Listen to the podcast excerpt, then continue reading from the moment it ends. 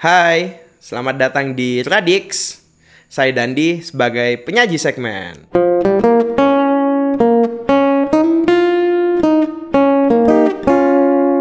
Halo pendengar Radix di rumah uh, atau di mana pun kalian berada. Kali ini Radix berkesempatan untuk mengunjungi rumah salah satu penulis di antara dua penulis yang bukunya akan kita obrolkan uh, saat ini. Proses kreatifnya tentu saja. Uh, dan telah bersama saya saat ini kedua penulisnya Mbak Fitra dan Mbak Rizka. Halo Mbak. Halo. Halo. Apa kabar? Baik, baik dong. Luar biasa dong. nah boleh dong uh, sapa-sapa uh, pendengar di rumah dan sekalian perkenalkan dirinya. Boleh Fitra siapa duluan siapa deh. dulu? nih? Oke. Halo, nama saya Fitra. Eh, saya mau say hi buat kawan-kawan semua yang lagi dengerin Redix. Selamat mendengarkan kita ngoceh sana sini tentang buku, oke? ya, saya Rizka Amalia. Boleh panggil Kak Rizka. Cie kakak kakak ya. Eh, kami berdua eh, menulis buku kaki-kaki kecil Ramadan kolaboratif. Selamat mendengarkan ocehan kami berdua nanti. Jangan kapok ya. Oke. Eh, Mbak Rizka dan Mbak Fitra ini eh, kerjaan sehari-harinya emang menulis atau ada pekerjaan yang lain? Kita berdua ini sebenarnya, aduh, ya, pengajar. Jadi kita ini guru, Akademisi ya. akademisi. Oh berarti menulis ini eh, semacam hobi ya? Eh, passion kita sih sebenarnya. Salah satu passion kita. Oke baik. Eh, saat ini kita akan membahas kaki-kaki kecil Ramadan. Boleh nggak diceritakan itu buku tentang apa sih? Eh, kaki-kaki kecil Ramadan itu sebenarnya tentang kaki-kaki kecil atau buku cerita eh, isinya ada cerita pendek ada 10 cerita pendek untuk anak-anak jadi itu cerita anak kumpulan Cerita cerita, anak ya? anak, Dari 10 cerita itu eh, bagaimana pembagian kerja kolaboratifnya? Apakah 55 atau dalam satu cerpen itu langsung berbagi Kita jadi gagasan? buka-bukaan ya. Iya karena segmennya dapur dapur ya. Oh kreatif. iya, dapur kreatif. Eh, aku dulu jawab ya. boleh boleh Awalnya gini, eh, kita punya konsep eh, Ramadan ini kita mau menulis buku bareng, mumpung temanya pas ya tentang Ramadan, tentang karena kita nulisnya sastra anak cerita, jadi sastra anak ini cerita yang kita buat khusus untuk anak-anak. Oke. Segmennya untuk SD sama SMP. Terus Hmm. kita godok bareng apa isinya, konten apa yang kita mau masukkan, muatan-muatan apa yang kita mau tanamkan. Oh oke, yang pertama ini deh kita ketemu. Oh ini deh kita pasin pas Ramadan. Kita mau godok kognitifnya atau afektifnya, artinya daya kayalnya anak-anak atau lebih gimana cerita ini nanti ngena ke apa tataran sikap ya afektif Iya. ke anak itu secara psikologis gitu bukan ke eh, ke ranah apa kognitif itu lebih ke kreativitas pikiran menggunakan pikiran otak Hmm. kanan gitu. Terus habis gitu ketemu oh kita mau masukkan konten. Yang pertama eh, afektif itu dari konten puasa ya pasti ada re- eh, religiusitas. Yang kedua kita memasukkan apa budaya kelokalan. Kita mau angkat juga eh, toleransi. Karena toleransi ini kayaknya kita mulai harus dari sejak dini harus tanamkan. Apalagi Indonesia sekarang kayak gini nih. Iya. anak kecil harus. Jadinya kita masukkan konten toleransi itu pas di bulan puasa. Gitu. Terus konsepnya ketemu habis gitu kita tokohnya siapa aja. Karena kita kan nulisnya kan berdua. Iya. nggak mungkin kita harus ketemu kita nulis bareng gitu nggak Iya. jadi eh, tokohnya karakternya gimana anaknya siapa aja kita ini settingnya sedang di mana di desa desa kah di perkotaan kah atau eh, nanti ceritanya seputar gimana sampai ke detail bahasanya. Bahasa anak kita mau yang gimana Mm. apakah harus yang seder, sesederhana mungkin? Ataukah yang seperti apa? Oh sasarannya kita SD SMP terus kita gali lagi kita eh, baca-baca lagi riset lagi mengingat lagi karena itu kan mata kuliah dulu waktu kita kuliah bareng gitu. Iya, iya. kita kan satu, Satu kelas Oh, dulu. satu kelas dulu. terus oh gini deh. Ternyata selama ini tuh kita sering kali underestimate atau me- sudah meremehkan anak-anak kecil itu bahasanya tuh harus yang sederhana, kalimatnya pendek-pendek, rata panjang ujarannya itu hanya satu kalimat tuh ber- berapa kata gitu. Ternyata sebenarnya yang dipahami anak itu jauh lebih banyak dari apa yang dia produksi, apa yang dia katakan, ucapkan gitu. Jadi janganlah kita batasi, janganlah mere- merendeh, meremah, meremehkan. Mm. Ya sudah, jadilah konsepnya seperti itu. Kita nulis bareng. Ya udah, kamu kebagian yang cerita apa, aku cerita apa Oh ya. Oh aku bagian toleransi kamu bagian yang budaya. Kamu eh, pengalaman karena basicnya Mbak Rizka ini kan Madura. Jadi Mbak Hmm. Rizka kelokalan Madura aku kelokalan Jawa kayak Oh gitu. ya. itu aja sih. Nah, kalau kerja-kerja kolaboratif itu kan maksudnya eh, menuntut dua kepala yang di mana harus dijadikan sebagai satu. Ada nggak sih kendala-kendala ketika eh, pertukaran ide atau gagasan ketika menuliskan ini? Maksudnya, saya pengen kelokalan Madura di sini jauh lebih banyak. Enggak deh, kayaknya Jawa ini penting deh. Tapi kan Jawa sentris itu udah sangat sangat apa ya sa- Mainstream. ah, sangat mainstream gitu loh sehingga Madura mungkin sepertinya perlu apalagi eh, dalam dalam lingkungan dunia anak bagaimana itu ada nggak sih kendala-kendala seperti itu kalau perbedaan pendapat pasti Hmm. sempat eh, ini ya apa namanya kayak misalnya kita simbol-simbol apa yang mau ditunjukkan Iya. kadang-kadang pemikiran kita kalau anak-anak ini eh, pasti simbol universal akan lebih mudah dipahami daripada simbol lokal Iya. untuk eh, simbol tertentu begitu Eh, jadi pernah saya sempat memunculkan satu simbol yang memang universal tapi wah itu simbolnya mainstream. Coba deh kita alihkan ke simbol yang lebih eh, ke arah lokal genius begitu. Mbak Fitra mengarahkan seperti itu. Tapi agak susah juga ketika satu Oke. simbol universal itu harus dicarikan penggantinya yang memang bernuansa lokal dan yang cocok dengan cerita. Itu itu agak agak ribet. Konkretnya waktu itu surban. Ah, surban, Oh. gitu. aku nggak setuju pakai surban. Pakailah itu songkok lah gitu. Ah, peci gitu ya? iya peci songkok yang khasnya orang Indonesia gitu. Orang orang Madura pakai orang Jawa pakai gitu. Terus tapi bukan ini nggak. Akhirnya ada perdebatan macam-macam gitu tuh jadi agak otot-ototan juga untuk mendapatkan simbol yang pas yang akhirnya cocok dengan simbol lain di dalam cerita itu. Karena Iya. kan dalam satu cerita kita nggak hanya memunculkan satu simbol misalnya eh, tapi simbol ini kan harus benar-benar serasi dengan yang lain gitu Oke, nah ya. ketika kita memaksakan simbol yang memang bernuansa lokal tapi nggak serasi nggak nggak matching gitu jadinya kan kurang kurang ini ya akhirnya sampai sampai terakhir dapat simbol yang benar-benar cocok dan kita sepakati ada ada hal-hal semacam hal-hal itu. semacam itu ya. Nah, di dalam buku ini kan eh, terdapat ilustrasi ya untuk setiap cerita. Bagaimana peran seorang penulis di sini untuk eh, berdiskusi dengan ilustrator sehingga eh, narasi teks tersebut bisa diterjemahkan ke dalam narasi visual. Karena ini kan lokasinya jarak jauh atau ilustratornya ini jarak jauh Oh jarak jauh ya. Jadi yang menggambar, yang melukis itu mulai dari cover sampai gambar di dalamnya itu kan dari penerbit. Mm-mm. Terus penerbitnya di Jogja, nggak mungkin kan kita ketemu gitu. Waktunya mepet juga. Akhirnya ya aku cuma eh, kita berdua cuma serahin naskah. Naskahnya ini loh dibaca sama dia. Mm-mm. Setelah dibaca, coba diilustrasikan, digambar. Terus di eh, share Manual ke kita, iya manual, Manual gambar ya. manual, gambarnya eh, apa dilukis gitu manual. Terus dikasihkan ke kita. Eh ya kita diskusi dengan Mbak Rizka. Kamu co- setuju nggak? Ini cocok nggak? Gitu? Dia punya citraan kayak gini. Aku ada sih beberapa masukan-masukan. Misalnya eh, bisa nggak? Ini nggak semuanya. Misalnya ada anak-anak kecilnya harus yang begini ada nggak bisa nggak yang nggak berkerudung gitu Hmm. ada nggak ada lah dikasih satu yang nggak berkerudung Enggak semuanya Enggak jilbaban semua ya. pakai jilbab.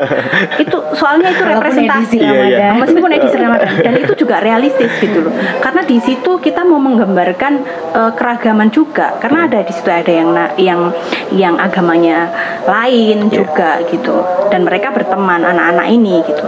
Terus ada juga oh konsep gambar kemudian dia situasinya di kota besar ada lampu merah ada mobil-mobil bagus itu juga oh kayaknya ini nggak cocok deh kalau di ini karena kita settingnya bukan di kota besar gitu di ya di Malang-Malang aja Oh, berarti ilustratornya ndak ndak semata-mata membaca langsung menyelesaikan gitu ya? iya Eh, ada, ada proses diskusi ada di situ. proses diskusi Oke, pada 17 Mei kemarin yang bertepatan dengan eh, Hari Buku Nasional, buku ini diluncurkan di Cafe Pustaka Universitas Negeri Malang.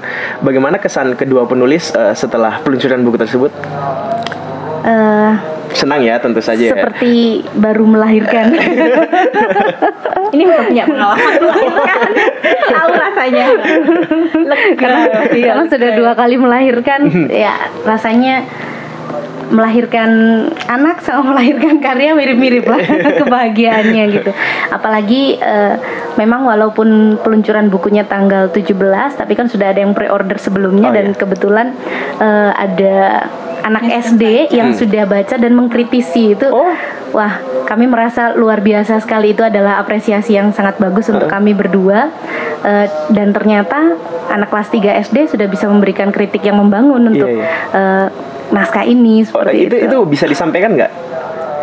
Sekilas tentang kritiknya itu bagaimana? Oke, jadi aku terharu banget tuh pas waktu em, dia jadi anaknya temanku Hmm.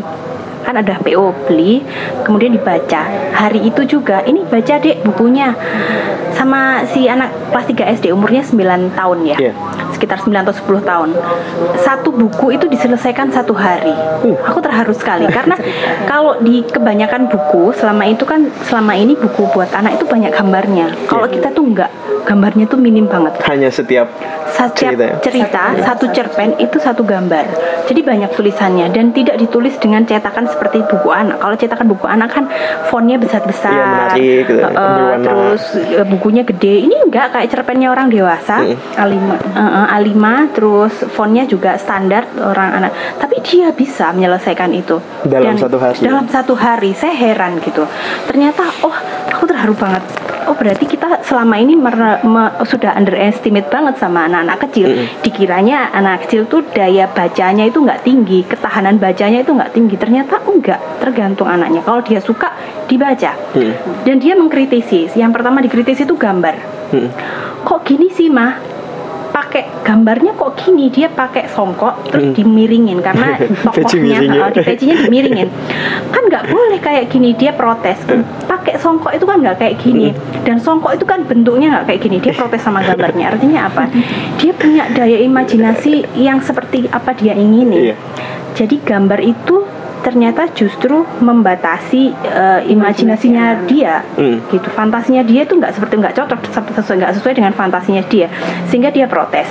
Yang kedua ada beberapa eh, kalimat-kalimat ka- karena ini konteksnya sedang berbicara ya jadi kalimatnya memang Tuturan. tuturan lisan. Jadi kalimatnya tuh nggak efektif kalau untuk di kalimat tulis dan dia mengkritisi itu.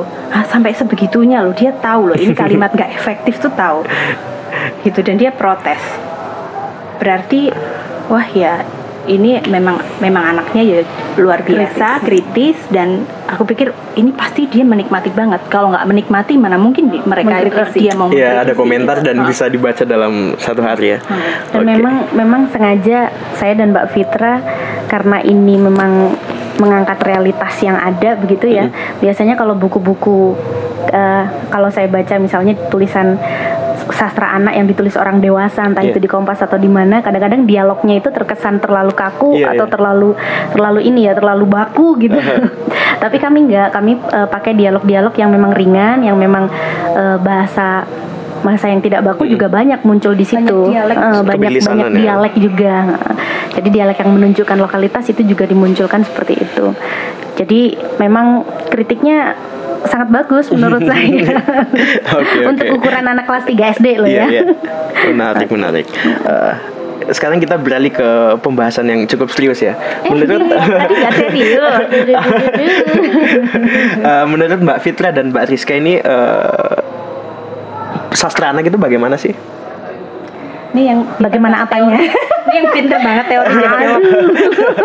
Ini kelas paling pinter teori ini ini pertanyaan bagaimana menjurusnya ke mana nih? Apa dan bagaimana dia? apa dan bagaimana? Eh, kalau bicara definisi banyak yang mengotak-ngotakkan sastra anak. Kan memang sastra anak itu bisa ditulis oleh orang dewasa oleh anak-anak tapi tujuannya sasaran pembacanya memang adalah anak-anak. Iya. entah itu biasanya adalah ini ya sastra anak selalu diarahkan pada yang hitam putih begitu Hmm. jadi mana yang baik mana yang buruk eh, nilai moral dan seterusnya Eh, tapi kalau dalam karya-karya kami tidak semata-mata eh, arahnya hitam putih jadi tidak ada tidak ada yang jahat, kemudian tidak ada tokoh baik dan seterusnya. Kami mengangkat memang benar-benar sesuai dengan realitas seperti inilah Iya. kondisi anak-anak, terutama di Indonesia, terutama di Malang, terutama dalam konteks lokalitas Madura, Jawa.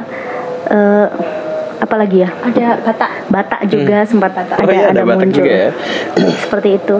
Jadi memang ada beberapa pakem yang sengaja kami tabrak begitu. Hmm. Seperti tadi Mbak Fitra mengatakan bahwa oh sastra anak memang harus mengikuti eh, perkembangan kognitif, perkembangan Oh, iya. psikologis anak-anak dan seterusnya, terutama perkembangan bahasanya.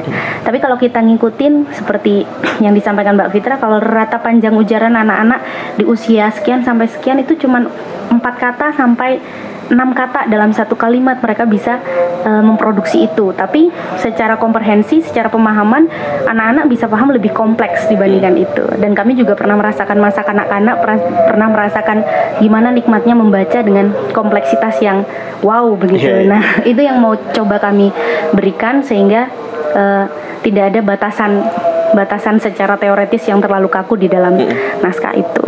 Oke. Gitu. Udah Kalau-. Kalau menurut eh, pengamatan kedua penulis nih, apakah sastra anak itu masih di- digunakan nggak sih sebagai metode untuk mendidik? Maksud saya di era saat ini kan gadget begitu cukup memiliki pengaruh yang sangat besar ya di lingkungan keluarga ya. Sehingga apakah buku-buku sastra anak itu masih misalnya ada anak yang ingin tidur didongengin sama ibunya, apakah itu masih sangat penting untuk eh, saat ini? Eh, ini berdasarkan pengalaman pribadi dan testimoni dari teman yang sudah baca karya kita ya. Dulu waktu kecil eh, kalau saya, Mbak Rizka juga kayaknya, kita biasa didongengin, Mm-mm. dikasih buku cerita dibacakan oleh ibu sama bapak. Aku dari kecil biasa kayak gitu setiap hari, Mm. karena bukunya terbatas dan buku yang dibacakan itu ya kalau pasti impor ya. Iya. Kalau nggak bukunya Disney, eh, buku cerita rakyat. Oh, iya. Kalau nggak gitu, eh, buku fabel gitu. Tak fabel pun juga impor gitu. Dan itu nggak connect dengan kehidupan sehari-hari kami gitu. Ya kami menikmati, kami suka gitu. Tapi ketika mereka kehabisan dan kita ceritain ceritain terus gitu, aku sama adik-adik ya waktu itu mereka ngarang sendiri dan apa yang mereka karang itu tetap kita ingat sampai sekarang. Kami ingat sampai sekarang. Em, dan mereka yang mereka ceritain misalnya ya sekedar hantu-hantu di sekitar rumah di apa gitu gitu atau tentang kuman tentang apa yang connect dengan kehidupan Yeah. kita itu saya ingat sampai sekarang sampai sekarang pun detailnya saya Sangat ingat membekas ya. Iya, dan ketika dewasa dan ada hal-hal yang eh, kenangan yang tidak baik gitu dengan lingkungan dengan orang tua atau aku aku lagi cekcok sama mama karena kan nggak emang nggak cocok ya dua perempuan yang sama kakunya keras kepala satu rumah gitu sering kali cekcok. Eh, kalau kenangan indah apa yang aku ingat dari orang tua dari ibu terutama? Yaitu sampai sekarang membekas itu adalah kenangan indah ketika aku marah sama mama itu adalah kenangan yang indah. Aku waktu dulu waktu kecil gitu itu yang aku pribadi. Yang testimoni dari temen yang sudah membacakan itu untuk anaknya dia seneng karena selama ini anaknya tuh nggak suka sama buku. Nggak suka baca. Ya emang belum bisa baca lancar sih. Tapi sukanya main gadget lihat video. Ketika dibawain cerita anak diceritain itu karena dia masih TK ya jadi ceritanya nggak utuh satu cerita dia potongan paragraf-paragraf gitu dibacakan gitu dan dia antusias ada yang cerita batal puasa itu ya eh, Oh, saya, saya paling suka itu. Oh iya, yang udah masukin air nggak sih? Iya. eh, yang masuk ke kulkas bukan? Oh Oh, yang siram-siram itu puasa pertama puasa Nara. pertama Nara Oh pas oh itu ya. Oh, saya Yang sukanya itu yang paling pertama. Maksudnya itu relate dengan pengalaman saya ketika kecil. Iya sekali. Eh, yang ketika dia ketemu sama hewan ini kelelawar, Mm-mm. kelelawar. Itu di situ kan dinarasikan bahwa ada hewan, ada sesuatu menggantung eh, Hitam. hitam, terus kakinya di atas, tapi nggak ada kepalanya seperti seperti hantu. Belum si ibu ini belum bilang ke kelelawar, dia sudah langsung sebentar mah, aku mau YouTube. Loh, ngapain? Aku mau cari kelelawar loh. Kamu kok tahu deh kalau ini kelelawar? Aku kan pernah lihat. Akhirnya dia kayak gini mah kelelawar sudah selesai. Besoknya dia ingin dibacakan lagi. Besoknya lagi ingin dibacakan lagi. Dan terus sebelum tidur jadi kebiasaannya dia aku mau dibacakan buku. Kayak gitu. Jadi apakah itu menjawab pertanyaannya nggak ya? Apakah dipakai untuk mendidik? Kalau dari pengalaman aku itu sangat eh, mempengaruhi psikologis eh, seorang kedeka apalagi kedekatan orang tua dengan anak melalui media buku ini. Itu jadi membekas dan itu jadi eh, dalam perkembangan psikologi sangat membantu anak. Kemudian yang kedua apakah itu membantu? Iya membantu literasi anak. Itu dari pengalamannya teman itu tadi. Mbak Jamila namanya. Sebagai Masih habit ya pra, dari kecil. ya dia ya, jagat itu. enggak udah. Udah- udah TK. mau SD Mbak Rizka bagaimana? Kalau aku sih penting banget sastra anak itu apalagi di era milenial seperti Iya. sekarang ya. Memang termasuk anak-anakku juga adalah korban Kecuali gadget. korban gawai ya korban gadget. Eh, artinya begini, ketika tadi Mbak Fitra sudah nyampein kalau parenting education era mil- milenial itu kan yang paling susah adalah bonding antara orang tua dengan Iya. anak gitu. Apalagi kalau orang tua berkarir, ayah ibunya berkarir, anak-anak di daycare, waktu untuk bersama itu kan memang hanya pulang dari kerja, dan capek dan seterusnya gitu. Tapi kalau dengan membaca bersama atau membacakan cerita, eh, jadi ada hubungan yang lebih erat antara orang tua dengan anak sampai bisa membekas eh, hingga dewasa seperti itu. Itu sangat membantu eh, masalah-masalah psikologis antara orang tua dengan anak nantinya. Dan bukan berarti menafikan bahwa gadget adalah sebuah kebutuhan walaupun untuk anak-anak gitu ya. Tapi memang perlu ada pembatasan begitu kan Iya. penggunaan gadget untuk anak-anak eh, terlepas dari segala kelebihannya. Gadget untuk anak-anak juga punya banyak sekali kekurangan gitu. Hmm. Jadi menurut saya memang eh, sastra anak sangat penting di era milenial justru untuk membentuk eh, membentuk membentuk ini ya, membentuk karakter anak seperti itu. dia bisa memperhalus jiwa Ah, memperhalus jiwa dan memang kalau saya diskusi dengan Mbak Fitra sastra anak ini adalah lahan basah yang kering. Saya selalu mengatakan seperti itu. Jadi seperti pendongeng cerita-cerita anak dan seterusnya kita tahu ada beberapa yang memang mengusahakan tapi memang agak sulit untuk menembus era digital Oh, yang iya. anak-anak sudah sudah sudah terbuai dengan gawai begitu. Nah jadi cerita-cerita semacam ini yang memang sudah ada konsepnya itu kami harapkan bisa membantu para orang tua untuk membangun bonding dengan anak-anak mereka. Oke. Eh, oh ya, saya lupa satu hal. Kenapa sih kaki-kaki kecil Ramadan ini harus bertemakan Ramadan ya? Maksud saya, kenapa tidak di luar Ramadan sehingga eh, Ramadan kan hanya 30 hari nih. Sedangkan bulan yang lain beratus-ratus hari. Kenapa nggak memilih eh, tema yang di luar Ramadan? eh susah banget nih jujur nggak ya akan nulis yang lain kok tunggu aja Oh, iya. Nah, ini karena Oh, berarti memang momennya. selanjutnya ya? iya ada project selanjutnya yang meskipun ini tema Ramadan aku pikir ini uh, relate aja untuk dibaca kapan pun Di luar Ramadan gitu ya? di luar Ramadan dan uh, nanti kita juga bakal nulis yang di selain Ramadan juga yang umum rahasia gitu rahasia rahasia masih rahasia Oke, eh, boleh nggak Mbak Rizka dan Mbak Fitra ini memberikan beberapa referensi terkait eh, sastra anak? Mungkin yang lagi booming saat ini tuh eh, serialnya Oki Madasari ya, yang yang di Gramet itu Mata dan apa itu? Eh, Kalau saya dulu kan sukanya baca lima sekawan, itu sangat sangat sangat membuat jiwa petualang saya terbentuk sampai aku saat sukanya ini. baca buku kuncup Nah, ketika eh, Mbak Rizka dan Mbak Fitra ini menuliskan eh, sastra anak, ada nggak sih eh, cerita-cerita dahulu yang membuat Mbak Fitra dan Mbak Rizka ini terpengaruh gitu? Mungkin gaya bertuturnya atau bagaimana melihat melihat sebuah dunia anak. Eh, kalau cerita anak kalau ya dari dulu yang saya baca yang pertama yang paling banyak di pasaran ya itu cerita rakyat sih Hmm. Kalau yang di dari Indonesia Oh, iya. nah selain itu yang banyak lagi itu adalah Disney kalau kita ke toko buku dari Disney bahkan dari Korea Hmm. Korean Wave itu sampai ke cerita anak Oh, nggak iya. cuman K-pop aja. Iya, iya. itu aku tuh gemes liatnya. Kok kayak gini? Ada nggak sih yang eh, dari kontennya orang Indonesia yang relate dengan kehidupan kita sehari-hari gitu, yang yang genrenya realis gitu. Susah dicari itu. Nggak tahu habis atau apa susah dicari. Yang kita tahu Mbak Oki nulis terus eh, siapa namanya yang artis channel mau di Aun- Ayundia nulis juga terus Abinaya eh, Iya. Gina itu nulis juga anak Eh, tapi apa ya dari dari yang pernah aku baca, aku kalau dari luar yang influence ke aku tuh ada dua sebenarnya. Yang pertama Tolstoy, Tolstoy cerita anaknya dia lebih ke afektif. Kemudian ke Rudyard Kipling Hmm. itu lebih ke kognitif ya. Dia sangat liar gitu imajinasinya sebagai penulis fabel. Ada Aesop juga. Tapi saya pikir Aesop juga nggak untuk anak sih itu untuk dewasa sebenarnya untuk dewasa gitu, buat fabel gitu. Tapi bagus juga diceritain untuk anak.